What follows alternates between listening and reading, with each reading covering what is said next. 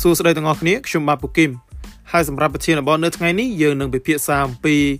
ជីវិតដែលគ្មានគោលដៅតើវាខុសដែរឬទេដោយដំបូងគឺយើងត្រូវតែដឹងសិនថាមនុស្សយើងគឺតែងតែមានគំនិតផ្សេងផ្សេងគ្នាស្ថានភាពផ្សេងផ្សេងគ្នាអញ្ចឹងភាពសំខាន់នៃជីវិតហើយនឹងការលើកទឹកចិត្តក៏ផ្សេងគ្នាដែរ ដែលវាជារឿងធម្មតាទេ បាទដែលបុគ្គលនីមួយនីមួយតែងតែសម្រេចចិត្តលើអ្វីដែលពួកគេចង់បាន ចង់សម្រេចក៏ដូចជាចង់បំពេញវាអញ្ចឹងហើយទើបពួកយើងម្នាក់ម្នាក់បាទតែងតែមានគោលដៅដែលយើងបានដើរទុកដែលគោលដៅនោះនឹងឲ្យយើងនៅទិសដៅដែលយើងចង់ទៅហើយនឹងការលើកទឹកចិត្តក៏ដូចជាញៀនបាទនៃគោលបំណងនៅក្នុងការប្រើប្រាស់ជីវិតផងដែរ ហើយវាអាចមានគុណសម្បត្តិច្រើនមែនទែននៅក្នុងការកំណត់សម្គាល់ក៏ដូចជាធ្វើការផ្សេងផ្សេងដើម្បីឈ្មោះឲ្យដល់គោលដៅនោះស្របទៅតាមគោលតម្លៃក៏ដូចជាការចាប់អារម្មណ៍របស់យើងហើយទោះជាគោលបំណងឬក៏គោលដៅនេះវាពិតជាសំខាន់នៅក្នុងការប្រើប្រាស់ជីវិតពិតមែន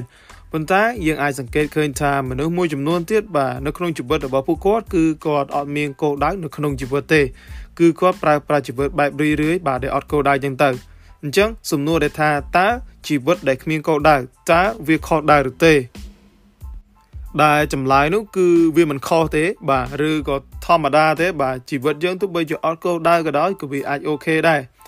ដោយដំបូងយើងត្រូវតែដឹងថាទោះបីជាមានគោលដៅបាទអាចផ្ដល់ឲ្យយើងនៅទិសដៅនៃការប្រើប្រាស់ជីវិតក៏ដូចជាគោលបំណង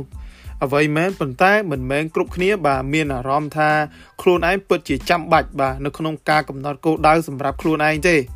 ដោយមនុស្សខ្លះបាទគេអាចគិតថា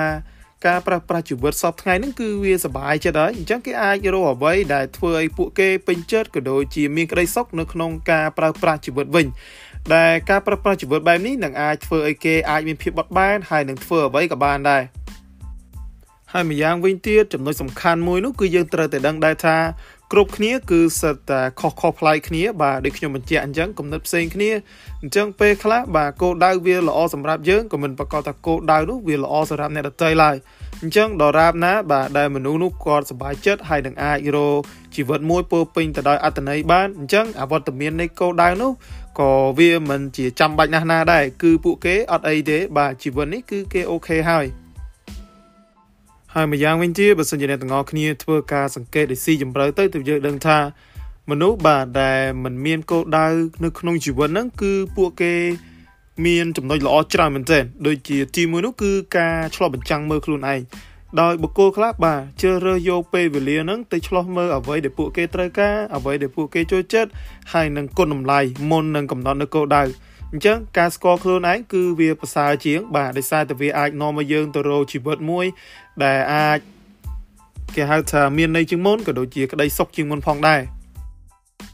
ទី2 relax ហើយនឹង enjoy ដោយគោលដៅអាចធ្វើឲ្យពួកយើងបាទមានការជំរុញចិត្តហើយនឹងធ្វើសកម្មភាពផ្សេងផ្សេងឲ្យមានផលិតភាពនៅក្នុងជីវិតប៉ុន្តែពេលខ្លះបាទវាជារឿងដែលចាំបាច់ផងដែរសម្រាប់ការសម្រាកហើយនឹងរោពេលវេលាសម្រាប់នៅមួយបច្ចុប្បន្នបាទសម្រាប់លេងអញ្ចឹងទៅដោយការភ្ជាប់ជាមួយនឹងសកម្មភាពដោយគ្មានគោលបំណងជាក់លាក់ហ្នឹងនឹងអាចធ្វើឲ្យយើងពេលខ្លះបាទមានអារម្មណ៍ទៅធូរស្រាលហើយនឹងអាចច្នៃប្រឌិតនៅការងារផ្សេងផ្សេងហ្នឹងបានប្រសើរជាងមុនវិញ ទី3មានភាពបត់បែនហើយនឹងអាចប្រែប្រួលបានដោយសារតែជីវិតយើង គឺតែងតែមិនអាចទាយទុកមុនទេហើយស្ថានភាពផ្សេងផ្សេងក៏តែងតែផ្លាស់ប្ដូរដោយយើងអត់បានទាយទុកមុនបានដែរអញ្ចឹងហើយនៅពេលដែលយើងមិនមានគោលដៅអ្វីមួយជាក់លាក់ហ្នឹងមានន័យថាយើងនឹងអាចធ្វើការបត់បែនបាទទៅរកឱកាសហើយនឹងការ challenge ផ្សេងផ្សេងទៀតដែលយើងទទួលបាននៅក្នុងជីវិតទី4មានការលូតលាស់នៅអ្វីដែលយើងចង់បាន ដោយបុគ្គលមួយចំនួន គឺគាត់ផ្ដោតទៅលើការអភិវឌ្ឍនៅសមត្ថភាពខ្លួនឯងជាជាងកំណត់គោលដៅដោយនៅពេលដែលគាត់ពេញចិត្តអីអញ្ចឹងមានន័យថាគាត់ទៅរៀននឹងទៅគាត់សាកល្បងនៅអ្វីដែលថ្មីអភិវឌ្ឍនៅជំនាញរបស់គាត់ក៏ដូចជាពង្រីកនៅសក្តានុពលហើយនឹងកំណត់ផងដែរអញ្ចឹងបើសិនជាយើងស្ដាប់មើលមើលទៅបាទដូចជាគោលដៅរបស់គាត់ហ្នឹងដូចជាការប្រើប្រាស់ឬក៏ស្វែងរកនៅជំនាញថ្មីថ្មីរឿយៗអញ្ចឹង ហើយនឹងទី5ចុងក្រោយ ក្តីសុខនិងសប្បាយជាចុងក្រោយនេះបាទ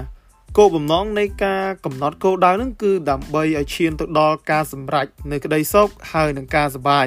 អញ្ចឹងបើសិនជានរណាម្នាក់ក៏អាចរកសេចក្តីសុខហើយនឹងការសប្បាយដោយមិនចាំបាច់កំណត់គោលដៅហើយមានន័យថាវាក៏អាចទទួលយកបានដែរដោយសារតែក្តីសុខគឺយើងអាចរកបាននៅក្នុងមធ្យោបាយផ្សេងផ្សេង ហើយពេលខ្លះវាមិនចាំបាច់តតែមានគោលដៅហើយសម្រេចវាបានដើម្បីរកក្តីសុខបានទេដូច្នេះសរុបមកវិញគោលដៅនឹងឲ្យយើងនៅញៀននៃទិសដៅហើយនឹងការលើកទឹកចិត្តហើយវាក៏សំខាន់នៅក្នុងការចងចាំដែរថាជីវិតយើងគឺជាដំណើរស្ទងព្រេងមួយ ហើយមាគ៌ារបស់មនុស្សគ្រប់គ្នាគឺតែងតែផ្សេងផ្សេងគ្នាជានិច្ចដរាបណា បាទពួកគេអាចសប្បាយចិត្តហើយនឹងពេញចិត្តនៅក្នុងការរស់នៅជាមួយនឹងគុណតម្លៃរបស់ពួកគេ អញ្ចឹងវាទោះបីជាគ្មានគោលដៅក៏ដោយក៏វាអត់អីដែរអញ្ចឹងវាមានន័យថាមនុស្សដែលគ្មានគោលដៅគឺអាចរស់នៅសុបាយចិត្តដោយមនុស្សដែលមានគោលដៅអញ្ចឹងឲ្យតែពួកគេខិតខំអភិវឌ្ឍខ្លួនឯងប៉ុន្តែសម្រាប់មនុស្សមួយចំនួនទៀតដែលពួកគេមានភាពភ័យខ្លាចក្នុងការកំណត់នៅគោលដៅជីវិតអានេះគឺជារឿងផ្សេងទៀតអញ្ចឹងខ្ញុំនឹងធ្វើការរៀបរាប់ដល់អ្នកទាំងអស់គ្នាយ៉ាងលម្អិតនៅ EP ក្រោយ ហើយបើសិនជាមានអ្វីខុសឆ្គងដែលអ្នកទាំងអស់គ្នាមិនចូលចិត្តឬក៏ចង់ feedback អញ្ចឹងសូមមេត្តាធ្វើការ comment ឲ្យខ្ញុំបានដឹងផង